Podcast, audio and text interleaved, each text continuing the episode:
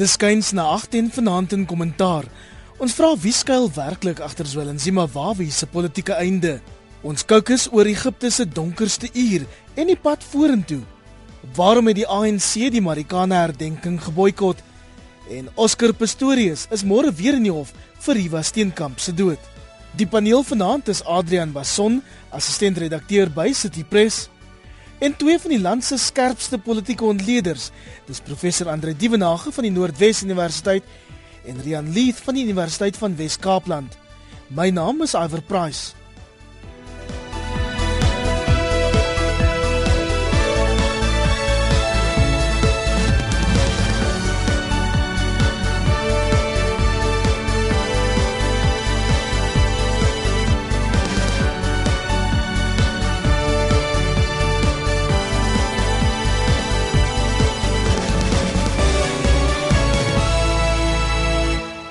Hy is Suid-Afrika se magtigste vakbondbaas. Zwelinzima Wawi, Kusatu se nou geskorste hoofsekretaris. Sy sonde is dat hy met 'n junior kollega op kantoor seks gehad het. Maar Kusatu en die ANC wil niks weet van vergewe en vergeet nie. Hy was natuurlik een van Zuma se groot ondersteuners voor Polokwane gewees en het gesorg dat Zuma president van die ANC word, maar die verhouding het sedertdien erg versuur. Waarskynlik oor 'n paar goed, ek dink waar wie was bietjie ontnigter oor Zuma se eie manier waarop hy dinge doen. Ek dink aan die verhouding met die Gupta familie bewering van korrupsie in Zuma self by Nkandla en waar wie het al meer oor die afgelope 4 jaar het hy ontnigter geword byvoorbeeld 'n uh, inisiatief soos Corruption Watch begin in Kusatu wat aktief die staat kritiseer. So ek dink hy het geen uh, gunste vir homself gedoen nie. Hy het homself gevestig as 'n beginselvaste leier. Wat ook interessant was vir my, hy was baie aktief op Twitter byvoorbeeld. Hy was baie toeganklik vir die publiek en natuurlik met die e-taal betogings het hy homself groot middelklas ondersteuning verseker. So ek dink waar wie is problematies vir die ANC. Hy is 'n ou wat al van hom sy sê te sê en hy is beginsel vas en in die ANC se broad church is die voorkeur om probleme binne in die huis uit te sorteer en nie buite te praat nie. Ek dink hy het 'n lasvelle geword en ek sien moeilik hoe hy gaan terugkeer tot sy soos jy gesê het sy eens glorieryke posisie binne Kusatu. Nou Rian buite die verkrachtingssaak waarby die president betrek is, het die ANC en die vakbonde hom ook vergewe vir 'n buiteegtelike kind, dis nou vir president Jacob Zuma wat hy by ons sokkerbaas se dogter verwek het. Dink jy meneer Zuma homself skuil agter die duidelike pogings om van Wawie ontslae te raak? Dit lyk so. Natuurlik, dan sal dit moontlik wees om in daardie rigting te dink. Op die oomblik is dinge ongelukkig nie seker nie. Daar is wel tekens dat daar wel 'n politieke invloed is. Voor die week het Wawie byvoorbeeld verwys na 'n sogenaamde sekuriteitsdokument wat onder hoofleiers in Kusatu gesirkuleer is wat hom en ander persone natuurlik van probeer om diskrediteer wat uitstippel sien dat daar befondsing van Amerika is vir leiers soos Wawie wat natuurlik 'n politieke agenda het van binne in Suid-Afrika binne die ANC binne die breër vakbond beweging. So dit wil voorkom op die faksionalisme wat ons binne die ANC sien uitspeel ook nou binne die groter alliansie van tussen die ANC, die SLKP en Kusatu ook nou begin uitspeel dan dat binne in Kusatu is daar natuurlik ook verskillende faksies. Daar is die wat natuurlik sterk in gunste van Jacob Zuma en sy presidentskap is. En dan is daar diegene wat natuurlik vir Wawie ondersteun soos wat Adrian sopas na verwys het in terme van sy kritiek teenoor die regering. Ek dink wat baie interessant is is dat ons sien dat die ANC is bekommerd vir al hierdie dinge. En oor die afgelope paar jare het ons gesien dat daar is baie kritiek dat die vakbonde besig is om weg te beweeg noodwendig van verteenwoordiging van die werkers en natuurlik hulle vraagstukke en kwessies dat hulle baie meer met die regering saamwerk en natuurlik ook met groter besighede soos die Kamer van Mynwese ensovoorts. Die uitvloeisel is alternatiewe vakbonde wat nie tradisioneel gealign is met die ANC nie, byvoorbeeld AMKU. Die omstandighede by Marikana, die groot satisfaksie met die NEM byvoorbeeld sy kop uitsteek het. En ek dink dieselfde is nou besig om oor te spoel so dit raak nou 'n stryd om die hart en siel van Kusatu. En natuurlik Kusatu is 'n baie belangrike regeringsalliansie vir nooit. Andre dit kom natuurlik teen 'n prys soos Riano net gesê het want verdeeldheid in die alliansie kan eintlik net tot een ding lei en dit is skade by die stembusse volgende jaar. Iwer ja, inderdaad, eers net 'n algemene opmerking. Ek dink die George Orwell perspektief van all are equal but some are more equal than others geld 'n bietjie sterk in die verband en ook jou verwysing na Jacob Zuma versus Willem Zimbabwe. Dit lyk wel of die ANC redelik konsekwent is wanneer dit kom by vyande. Maar ek dink as ons kyk na die konflik wat hom uitspeel binne Kossatu, dan gaan dit basies oor twee groot sake. Dit gaan oor leierskapkonflikte aan die een kant en in samehang daarmee gaan dit oor ideologiese verskille. En die saak wat ek miskien hier 'n bietjie by wil stil staan, is die ideologiese kant. En dit is baie duidelik dat Zuma volg 'n strategie van kooptering en die plan is om eintlik Kossatu te koopteer dan ook nou binne die groter konteks van die nasionale ontwikkelingsplan en wat daarmee saamstaan. En Zwelenzima Wawi en sy volgelinge bied redelik sterk weerstand daarteen. En hierdie verdelingslyne is nie net beperk tot Kossatu nie, soos van die vorige kommentators opgemerk het, dit spoel duidelik oor binne die groter drieledige alliansielyne en dit is vir my baie baie duidelik dat die ANC 'n prys hiervoor gaan betaal. Soos genoem is Willenzima Wawi nie sonder invloed nie. Hy het veral invloed op die voetsoolvlakke maar dit lyk vir my of die breuklyne en die skeuringsprosesse wat ons tans binne die ANC sien nie baie klinies is nie. Dit gaan nie netjiese lyne wees wat gaan uitbreek byvoorbeeld Nomsa aan die een kant en Nom aan die ander kant nie. Ek verwag 'n redelike oneweredige breuk dwars deur verskillende lyne van Kossatu maar ook die groter drieledige alliansie. Adrian, stem jy saam dat die ANC Kossatu wil koopteer? Is dit jou ervaring ook? Kijk, ek dink ons moet teruggaan oor in die geskiedenis ook. Onthou Thabo Mbeki het nooit met Willem Zimbabwe ontmoet terwyl hy president was. Hy het gewag om 'n uh, vergadering met hom alleen te hê. Hy het gesout op 'n plek gehou en so dat laat duidelik wys dat hy uh, baie junior lid van die alliansie is of hy reg of verkeerd was, is 'n ander vraag. Zuma het natuurlik by Polokwane ANC president geword met die wat ons destyds genoem het die Trojaanse perd teorie waar hy um, hy was eintlik maar 'n perd vir 'n klomp faksies en klomp belange. En een daarvan was ehm um, waar wie wat 'n ondersteuner van Zuma as jy onthou wat voor Polokwane gebeur het. Maar hy was baie leid geweest um, oor goed soos die skerpioene se saak teen Zuma. Hy was ek onthou baie goed hoe hy spesifiek een van die hardste stemme was om om te sê die skerpioene moet toegemaak word en dat hulle Zuma polities aanval. Ons het vandag in City Press het ons hoofberig spesifiek daar die intelligensie verslag waarna Rian verwys het. Dat nou omtrent die 5de intelligensie verslag is wat die ANC infiltreer sedert 94 en, wat groot drama veroorsaak. Dit het my laat terugdink aan die sogenaamde Browse-Mole report. Um, jy onthou seker van hierdie dokument wat sprei is voor Polokwane en beweer het dat Zuma befonds word deur geld van ander Afrika leiers, spesifiek Dos Santos in Angola, Gaddafi in Libië en so voort. En dit het gekom van die skerpioene af en waar wie was uh, hierdie ding versprei en gesê kyk, hierdie is nou net weer bewyse van hoe Zuma aangeval word. En nou is hy um, in 'n baie soortgelyke posisie waar daar intelligensie verslae rond versprei word. So daar's 'n duidelike déjà vu. So, jy weet jy het 'n seksskandaal, jy het 'n um, bewering van korrupsie en hy's daar intelligensieverslag ook. Kusatu uh, het groot probleme. Die vakverbond, uh, nie net oor waar wie nie, maar ek dink spesifiek oor wat verlede jaar in Noordwes gebeur het op die Platinum Belt. Die opbreek van die vakbonde wat onder Kusatu val, al die National Union of Mine Workers se absolute verlies aan aan mag en populariteit en beheer in die Noordwes gaan uh, moontlik vir die ANC hier te staan kom en as ons nou nou oor Marikana praat kan ons dalk 'n bietjie meer praat oor Julius Malema se uh, impak op so op so kiesersgebied want dit wat ek hoor was hy by verre die mees gewilde leier by Marikana hierdie week gewees. Rian net om by Adrian aan te sluit, hy verwys nou na die vakbonde. Ons weet nou dat Nomsa hom by Wawi skaar en daar is selfs geleide dat die metaalwerkersvakbond van Kusatu kan wegbreek. Wat sou die gevolg daarvan wees?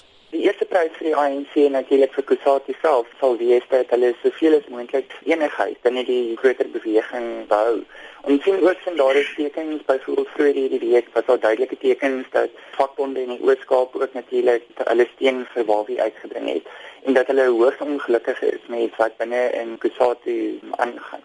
Natuurlik enige vakbond wat wegbreek van Kusatu sal natuurlik afbreek doen aan die beheer wat die regering of die koöptering wat die regering natuurlik met die vakbonde probeer bewerkstellig soos 'n natuurlike regeringsagenda uit te voer. Natuurlik die vakbonde is ook 'n groot bron van steun vir die ANC self. So enige verwikkelinge wat die breër vakbondbeweging en daardie opsig sal ondermyn, sal verrykende gevolge vir die ANC. Iets wat ek graag um, ook wil uitlig en en wat en my kollegas ook vroeër na verwys het is ek, ek dink wat hier aan die gang is is 'n teken van 'n uh, groter problematiek wat ons op die oomblik binne die Suid-Afrikaanse politieke landskap ervaar.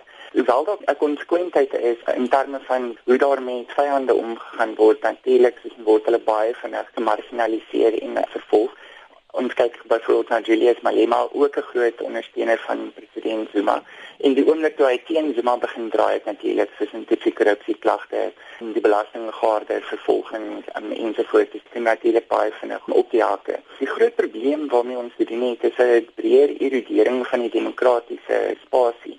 Dat ons sien dat demokratiese beginsels word nie werklik in die praktyk toegepas nie. Inteendeel sien ons dat baie van hierdie figure binne die groter magspel dan steur hulle al hoe minder aan demokratiese beginsels.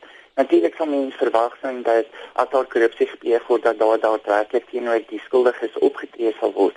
Maar ons sien dat hierdie dinge word meer gebruik as 'n tipe van 'n magswapen van om beheer te probeer behou. Daar is ook verwys na die ideologiese strekking. Van die groot uitvloeisels van die masse presidentskap is natuurlik hy kan begin uh, aan bewind gekom as gevolg van sy charismatiese en kom ons sê dit maar uitstekende manipulasie van verskillende faksies van binne die ANC uit. Onder um, Dalton Bekkie was daar 'n sentralisering van mag gewees en dit het 'n vakuum gelos wat um, nie noodwendig saamgang het met die tradisie in die ANC van kollektiewe besluitneming nie.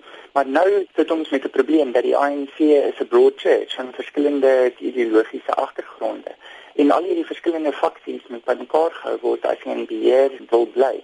So wat ons nou begin sien is natuurlik um, al hierdie verskillende ideologieë is besig om in konflik te verkeer met mekaar. En dit veroorsaak natuurlik ongelooflike konflik. Van tussen die alliansie vennote tussen leiers in die onderskeie bewegings en natuurlik sien dit uiters negatiewe gevolge vir die effektiewe regering van hierdie land en natuurlik ook die regering se vermoë om uitdagings waarmee ons op daaglikse basis te maak het om op te Prof ons het nou gepraat oor die aard van die konflik wat Rian ook nou vir ons uiteengesit het. Kom ons praat oor die pad vorentoe. Kan jy 'n voorspelling waag? Gaan Kusatu inderdaad van Wawie ontslaa raak? Wel, ek dink Wawie se posisie gaan vorentoe al hoe moeiliker word binne die huidige Kusatu struktuur, dissiplinêre verhore en so meer en my verwagting is dat Kossatu nie in sy huidige formaat gaan bly voortbestaan nie en dat hierdie proses gaan ontrafel nog voor die verkiesing. In daai sin dink ek kan mens verwag dat Nomsa 'n bepaalde standpunt hieroor gaan inneem. Nou hulle het basies 3 lyne as die grootste vakbond binne die vakverbond. Hulle kan besluit om met voorwaardes aan te bly en daardie voorwaardes sou beteken om Zwelenzima Wawi se posisie op 'n manier te probeer beskerm binne die bestaande Kossatu verband wat ek dink moeilik gaan wees. Dan is die ander lyn om 'n eie vakverbond buitekant te stig of dan die lyn te loop van 'n politieke party wat die werkersbelang voorop stel. Dis min of meer die drie lyne wat ek sien. Nou op hierdie stadium is daar soveel dinamieke in die anti-Zuma lyne aan die ontwikkel. En 'n mens dink byvoorbeeld hier aan wat alles aan die vakbond wêreld gebeur. Jy dink aan AMCO, jy dink aan die Workers Socialist Party, jy dink aan die bewegings rondom Agang, jy dink aan die Economic Freedom Fighters. Al hierdie lyne vermoed ek gaan vorentoe nader aan mekaar beweeg in terme van 'n oppositie teen Jacob Zuma. En dit is juis hier waar die moeilikheid lê vir Jacob Zuma want hy wil in terme van sy beleid redelike sterk meerderhede het. Trouens die ideaal is om eintlik 'n 2/3 meerderheid in die verkiesing te kry ten einde bepaalde grondwetlike en ander wysigings aan te bring ten einde bepaalde politieke beleidsdoelwitte na te streef en ek sien dat dit baie moeilik gaan wees en ek sien dat ten minste binne 'n sekere gedeelte van die huidige Kossatu daar groot weerstand gaan wees en hierdie weerstand is nie net ideologies van aard nie dit is ook gebou rondom persoonlikhede en ek betwyfel dit baie sterk of iemand na vore kan tree op hierdie stadium om daardie konflik te resoleer in belang van 'n verenigde Broadchurch. En Adrian, daardie konflik, daardie weerstand kan selfs tot 'n nuwe politieke beweging lei, hoewel ek nogal twyfel want waar wie se ANC man derendeer. Hmm. Dis in alweer nee, ek dink die vooruitsig van 'n werkersparty is een van die mees opwindende goed wat onlangs in Suid-Afrikaanse politiek gebeur het, maar Zuma is baie uitgeslope kaland. Jy weet, dit is nou verkiesingsseisoen en die laaste ding wat president Zuma wil hê en kan bekostig is om enige enige enige een stem te verloor wat die ANC, eh, jy weet, dink hy het vir volgende jaar se verkiesing. En ek dink ons moet maar net wakker bly want ek wonder of daar nie op 'n stadium tog 'n tipe van 'n kompromie bereik gaan word met Zuma wat intree in die gesprek nie. Waar wie soos ons reeds self het, het baie impak veral op voedselvlak onder werkers. Hy het dalk nie die ondersteuning van die meerderheid vakbond leiers in Kusota nie van die individuele vakbonde nie, maar hy definitief ek dink hy's baie um, gewild op grond so vlak veral dan in in die Ooskaap hy groot rol gespeel het om Port Elizabeth vir die ANC te bou in die in die vorige plaaslike verkiesing. Maar weet dit, hy besef dit en ek wonder net uh, jy weet of hy bereid sal wees om so duur pryse te betaal. Jy weet ek ek kan nie sien dat iemand soos Todimo Dlamini die president van Kusatu belangriker vir die ANC kan wees net omdat hy vir Zuma ondersteun nie. Op die einde gaan dit oor die aantal stemme wat jy kan trek. So Uh, ek kan nie uitermate verras wees as wanneer Zuma op 'n of ander manier hier een of ander deal bewimpel nie om wie binne te hou nie. En ja, soos jy gesê het, hy is 'n uh, hy kom uit die ANC, hy um, ek meen ons praat nou veel omtrent die dekade oor die moontlikheid van wie wat wegbreek of Kusatu wat wegbreek en dit is nogal ironies dat uh, Kusatu is wat op die oomblik besig is om te verbrokel en nie die ANC nie. As jy dalk laatbins ingeskakel het, jy luister na 'n kommentaar op RSG. Ons kookus oor die vernaamste nuusgebeure van die week en Kosato het hom op die nippertjie onttrek van Vrydag se herdenking van die Marikana myn tragedie. Prof die regerende party het ook geskitter in sy afwesigheid en dis asof die ANC moeite doen om homself sleg te laat lyk. Ja, ek moet eerlik sê, ek dink die ANC het daardie verkeerde skuif gemaak en ook die reaksie van Kenny Morolong hier van die Noordwes ANC was nie positief en reg nie. Ek dink daardeur het die ANC en die regering dan hom op 'n manier gedistansieer van dit wat by Marikana gebeur het. En ons het duidelik gesien hoe oppositiepartye en onder meneer onder meer uh, meneer Julius Malema baie sterk daarop ingespeel het. In die sin dink ek was Marikana kontraproduktief vir die ANC en het dit bygedra tot die mobilisasie en organisasie van steun en sentimente teen die huidige regering. Ek dink dus dit was nie 'n goeie oefening vanuit die ANC kant nie. Persoonlik as ek in die ANC was, sou ek dit baie anderster gehanteer het en meer probeer het om uit te reik na die voedselvlak, meer ondersteuningsbasisse probeer bou het, maar duidelik het die konflik in daai omgewing ook die punt bereik waar die ANC toenemend as 'n party persona non grata raak en dit moeilik vind om steunbasisse daar te mobiliseer en te konsolideer. Stem jy saam, Rian? Ja nee, is absoluut. Daar is baie baie baie groot probleme vir die ANC. En natuurlik sien kyk ons uit na wat uh, in die volgende verkiesing gaan gebeur. Die gebeur by Marikana en natuurlik ook die breër arbeidsonderus wat ons in gereeld sien kop uitsteek. Want tesame met um, die voorkoms van gewelddadige protesaksies is um in sien ook is 'n simptoom van breër dissatisfaksie met die ANC, maar die ANC is nie te rekeningsvatbaar nie. Op die einde van die dag, mense as gevolg van persoonlike oorwegings, identifikasie met die party, selfverrassing oorwegings, sien ons dat mense is geneig om steeds vir die ANC te stem, al is hulle ontevrede met goed soos byvoorbeeld dienslewering. En dan sien ons dat hierdie dissatisfaksie vind natuurlik uit in van in dinge soos arbeidsonrus, gewelddadige protesaksies. Want mense voel dat dit is 'n manier waarop hulle uiting aan hulle frustrasie kan gee.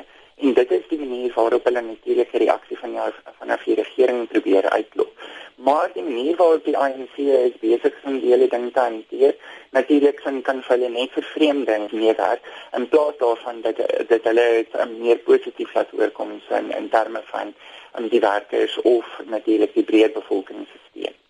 Adrian, jy het vroeër genoem dat die Kaland Julius Malema 'n groot held was by die Marikana herdenking ek sien skrikkelik baie uit om te sien wat Malema volgende jaar by die stembus gaan doen. Mens moet nie sy invloed en mag onderskat nie. Jy sien wat Malema reg kry, um, either hy sê wat mense wil hoor. Hy praat die taal van die mense by Marikana. Hy hy praat oor die feit dat die regering dat die staat nog nie die families genoegsaam gekompenseer het of in sommige gevalle enigstens uitbetaal het iets wat beloof is na die Marikana tragedie omtrent presies 'n jaar gelede nie.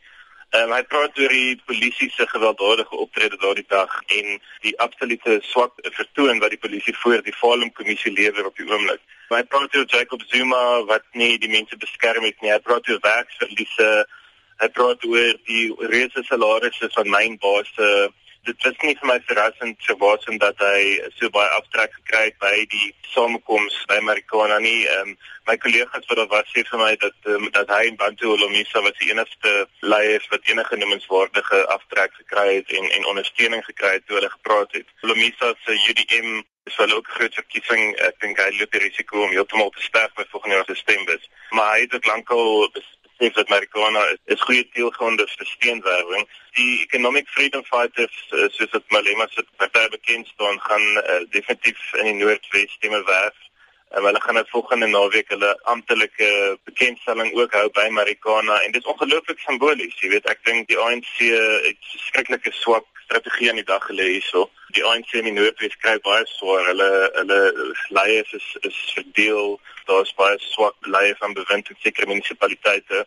So ek dink Malema het was presies reg in sy teiken daar om te besluit hy moet hy moet spesifiek daar gaan stemme werf. Malema gaan op baie plekke in die steen kry nie, maar ek dink Marikana en soortgelyke gemeenskappe waar mense in armoede bly en waar natuurlik waar die ANC verswak is, is baie goeie teikens vir hom. Prof, dis vir my vreemd dat die ANC so 'n strategiese fout sou maak, want ons weet in politieke kringe word fyn opgelet na die potensiële politieke tuiste van werkers wat ontevrede is met Kusatu en hulle onderdanigheid aan die ANC in die regerende alliansie. Wel, Iver, dis vir my baie duidelik dat die ANC in tot daardie mate die NEM se magsbasis in daai omgewing so beperk is dat hulle eintlik nie anders kan as om amper maar net baie laag te speel binne die situasie nie. En ek dink dit is 'n aanduiding van die verandering in steenbasisse wat ons in die laaste jaar in die Suid-Afrikaanse politieke landskap waarneem. Die ANC bestuur hulle dinge gewoonlik vanuit 'n magsposisie maar die moment as hulle ontmagtig is, dan is hulle eintlik baie weerloos. En dit is juis wat ons nou sien met Julius Malema en waarna Adrian ook verwys het. Malema slaag daarin om die seerplekke van die ANC te identifiseer en daarop in te speel en hy het die vermoë om die populêre steun te kan mobiliseer. En is ook duidelik dat in van hierdie opnames wat gemaak is, hy beduidende steun onder die ANC jeug het. En dit was ook interessant vir my om hier in die Klokwe omgewing tydens die tussenverkiesings die EFF se betrokkeheid wel te sien in belang van onafhanklike kandidaate en ons het gesien wat 'n verskil dit maak. So in die EFF het die ANC 'n vyand waarmee hy moet rekening hou en ek dink op hierdie stadium as ons kyk na van die oppositiegroeperinge wat binne wat met bande aan die ANC konteks uh, 'n rol kan speel vorentoe is die EFF waarskynlik een van die sterker groeperinge op hierdie stadium. Rian tenslot ons het nou gepraat oor die politieke leiers, maar die polisie het ook 'n aparte gedenkdiens gehou vir die beamptes wat by Marikana doodgeskiet is. En dit stink ook 'n bietjie vir my. Ja, so natuurlik is daar groot vraagtekens wat hang oor of die polisie natuurlik korrek opgetree het by Marikana of nie. Ek dink dit gaan baie interessant wees om te sien wat die uitslag van die Fallen kommissie gaan wees. Natuurlik binne die breër deel binne Suid-Afrika en is daar groot probleme binne die polisie self dan ons sien ook vir hierdie week soos in wat baie belangrike topamptenare is en op en amptenare op ander vlakke van die polisie uitgewys het as gevolg van aantuigings van korrupsie soos in of dat hulle nou betrokke is by kriminele aktiwiteite ensovoorts. Dit is natuurlik 'n baie goeie vraag tot watter mate die gewapende magte en veral die polisie in 'n politieke beheer staan en tot watter mate dit miskien die polisie by Marikana gebruik is onder politieke voorwendsels. En dan as ek dit al baie duidelik kan stel, dat daar is tot dusver suggesties gewees dat die polisie het opdrag gekry om baie kragtadig teenoor die stakers um, op te tree dan miskien om 'n teken uit te stuur en dat sulke optrede nie geduld sal wees nie.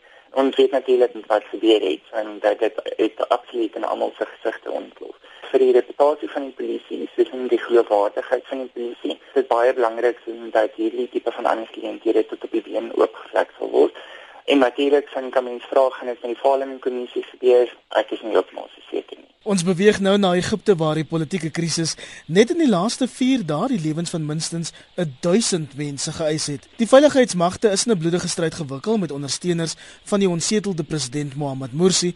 En Adrian, ons weet die tussentydse eerste minister het nou voorgestel dat die moslimbroederskap verbied word. 'n Goeie of 'n slegte skuif? Wat dink jy? Baie sleg. Uh joh, dit is ehm um, dit is verskriklik om na daai TV-beelde te kyk wat uit Kaïro en ander plekke in Egipte kom. En dit is verskriklik hartseer vir my. Ek meen dit is uh jy weet dit is 'n land waar daar hierdie openbare standings was teen 'n korrupte leier, uh, Mubarak en um, waar mense gedink het en waar mense so gehoop het dat die dat die land gaan werk en dat hulle dat dit amper 'n 94 oomblik vir hulle sou wees waar hulle 'n uh, regering kies op demokratiese beginsels. Maar daar's natuurlik baie ander politieke dinamika in Egipte en Suid-Afrika so ongelukkig dink ek het die die laaste ronde van geweld het nou 'n uh, geloofsondertoon gehad. Dit klink vir my as word nou veral teen moslim uh, mense opgetree as ouens met baarde um, ensovoorts. Ons het besluit om vir vandag het ons iemand wat in Kaïro woon, 'n uh, joernalis wat daar woon het ons gevra om net vir ons 'n stuk te skryf oor jy weet hoe dit voel om daar te bly, wat sy sien en hoe moeilik dit is om kos te kry en toeke vir haar kinders ensovoorts. En en dis nogal dis 'n tragiese storie. Um, Dis 'n land waar was baie hoop geweest 2 jaar terug met die met die opstande. Dis baie uitsigloos op die oomblik. Mense weet nie wat volgende gaan gebeur nie. Mense weet nie wie heeltemal aan die heer is nie. Is dit die militêr? Is dit sogenaamde sekulêre magte en wie presies is hulle? En hoekom het hulle van Morsi uitgeskop in die eerste plek? So baie onsekerheid in Egipte en en dis reg hartseer vir wat ons voor ons uitspeel. Amerika se minister van buitelandse sake, John Kerry, het voorgestel dat die land se hulp aan Egipte onttrek Prof daar is skynbaar nie 'n duidelike politieke oplossing nie. Iwer nee, ek dink dit is 'n baie moeilike en komplekse proses wat hom uitspeel op die oomblik. Ek wil miskien maar net uit 'n algemene akademiese historiese hoek sê dat revolusies en groot revolusies baie selde indien ooit werklike stabiele veelparty demokrasie lewer. In meeste gevalle lei revolusies tot die een of ander vorm van 'n diktatuur, dikwels tot patrone van onstabiliteit. Ons kan maar gaan kyk na al die groot revolusies wat die wêreld getref het, politieke revolusies sedert die Franse revolusie. En dit lyk vir my wat ons hier sien in die breë Arabiese lente, maar ook dan nou in Egipte is presies dit dat die land word onstabiel, jy vind hoë vlakke van politieke mobilisasie van groepe en gepaardgaande konflikte en dan kry die politieke strukture nie beheer nie en uiteindelik sekurokratiseer die proses. Jy kry al hoe meer militêre inmenging ten einde stabiliteit te bereik. En ek dink daardie situasie is besig om op daai lyn te ontwikkel En persoonlik as mens kyk na demokratiese waardes en die uitbouing van demokratiese waardes, dink ek dit is 'n fout om Morsi en die Moslembroederskap te verbied. Jy moet hulle op 'n manier betrek in onderhandelingsprosesse en kyk tot watter mate kan jy grond lê waarop jy dan demokratiese waardes kan bou en kan vestig. Maar ek is bevrees dit sien ek nie op die oomblik in die ontwikkelinge in Egipte nie, maar ek sien dit ook nie baie sterk in die ander state wat die Arabiese lente ervaar het nie. Rian so gepraat van demokratiese waardes. Hierdie is 'n besonder gewelddadige revolusie. Dink jy Egiptenare het werklik nog 'n aptyd vir demokrasie? Dit is natuurlik die oop vraag. En as ek by die professor kan aansluit, met natuurlik in gedagte hou dat onder leierskap van Mubarak in Egipte en natuurlik Ben Ali van Indonesië ensovoorts, sien ons dat daardie leiers het 'n ongelooflike sterk houvas op die regeringe van die lande gehad en daar was bitter min spasie van waarin opinierende idees aan uitgeruil kon word. Natuurlik soos 'n bitter min oppositie is geduld en en wat ons op die oomblik sien is dat die oomblik wat hierdie sterk regerings um, verwyder is deur die opstande, het daar 'n sogenaamde vakuum ontstaan en en ewe skielik vind ons al hierdie konflikterende kragte van wat nou in oppositie kom teenoor mekaar. Natuurlik in terme van die, Arabiese lande in Noord-Afrika dan het dit natuurlik 'n sterker dimensie soos en juis omdat daar hierdie sterk religieuse ideologiese komponent by betrokke is ook. So wat ons oor die afgelope paar weke en selfs maande in Egipte gesien het, is dat ek dink daar was 'n algemene samestemming gewees dat Morsi moes gaan. So hy was ongelooflik ongewild en mense was bekommerd oor die beleidsrigtinge wat sy regering ingeneem het. Maar wat natuurlik op die oomblik gebeur is, is, is dat om hom te vervang van plaas op uiters antidemokratiese wyse onder die aanvoering van die van die militêre establishment binne binne Egipte. So die gevolg daarvan natuurlik is dat in plaas daarvan dat Egipte nader begin beweeg aan die konsolidasie van demokrasie of die ontwikkeling van 'n gemeenskaplike demokratiese kultuur sien ons dat daar vind voortdurend verdere polarisasie plaas. En daar is ook natuurlik aanduidings dat party van die dinge wat gebeur is half opsetlik. Daar is natuurlik aanduidings op die oomblik dat die manier waarop die weermag omgegaan het om die pro-broederskap en Morsi protesaksies op te breek, so 'n um, ontwerp was om 'n gewelddadige respons um, uit te lok. En natuurlik sien ons sig volgens terme van die um, groot dodetal die liggame is besig om op te stapel op die oomblik.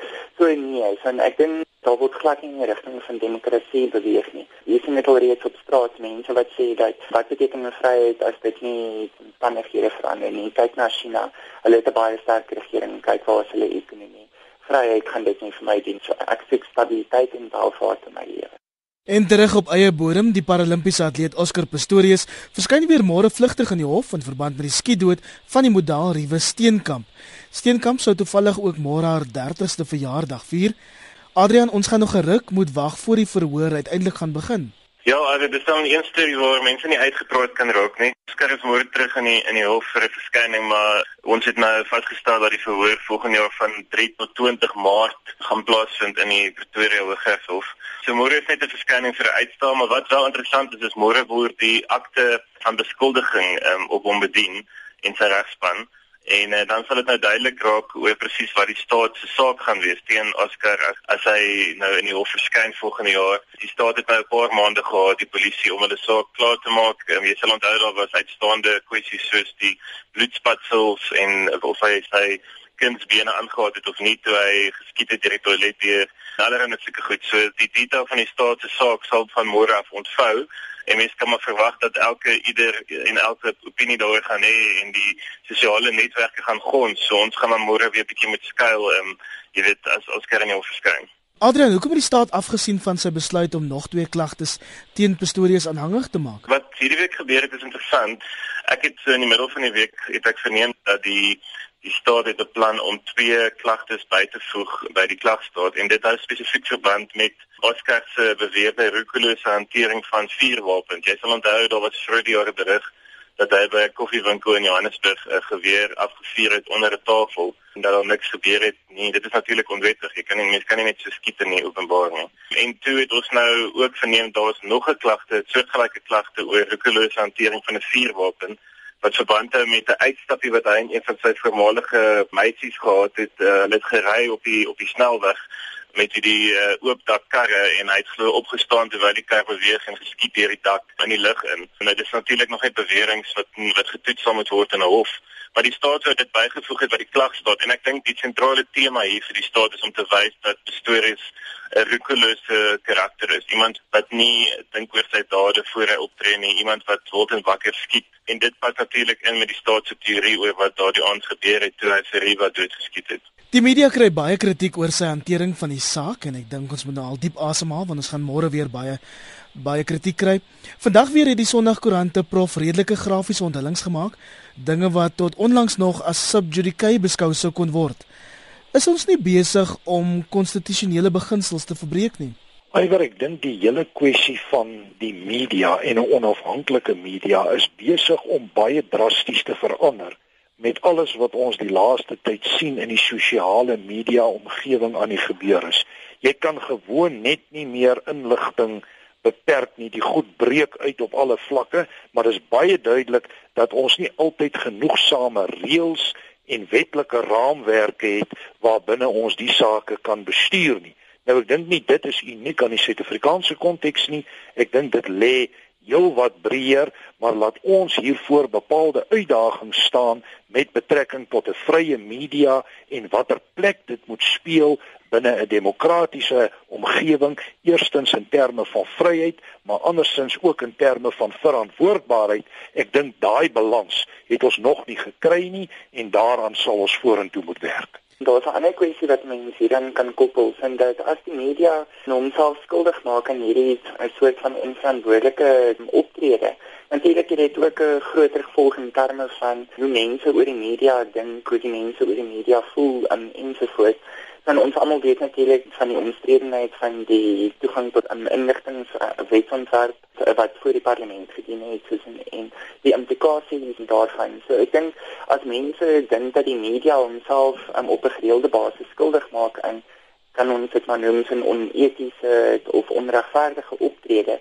en daardie algemeen aanvaarde reëls van aan verantwoordelikheid oorskry. So natuurlik dan sien ons dat hulle gee traksie van aan die mense wat in funksie staan van groter beheer oor die media self en natuurlik van dan kyk ons na die gelooflike gevaarlike dinge wat gebeur soos byvoorbeeld die inligtingstelsel.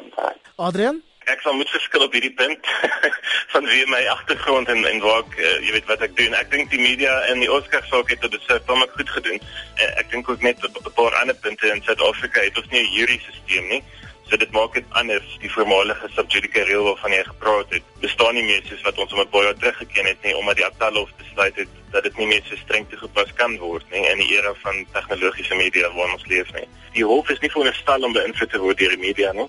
Um, ons het nie 'n juridiese stelsel nie. Ons howe word beheer deur regters wat opgelei is om onafhanklik te dink en wat net besluite kan neem op grond van die getuienis voor hulle. Maar ek dink met 'n saak soos Oscar het mense sterk opinies en mense raak emosioneel en ek dink dit voels wat ek ervaar is die mense wat die wat die meeste kla oor uh, wat ons skryf of of of uitsaai is jy sien mense wat elke stukkie nuus opraap wat uit daai hof sal kom of van drone afkom. So ja, ek dink op die einde van die dag moet mense net uh, kalm bly en onthou dat dit die hof die, die regter is wat die besluit sal maak oor sy skuldige bevinding of nie en nie die media nie. En, en natuurlik is daar is daar baie goeie regulering van die media strukture soos die ombudsman waar mense kan gaan kla as hulle ongelukkig is en soos wat Oscar reeds gedoen het. Dis wat uh, Andre het reg gesê, ons leef reg in 'n nuwe era waar die media en die tools of our trade ontwikkel elke dag. As mens nou in 'n hofsaak sit, dan moet jy op Twitter wees, sommige joernaliste op Facebook, jy skryf vir die webwerf en dan vir die koerant ook nog. So ehm um, die tye het heeltemal verander en, en ons moet maar net byhou.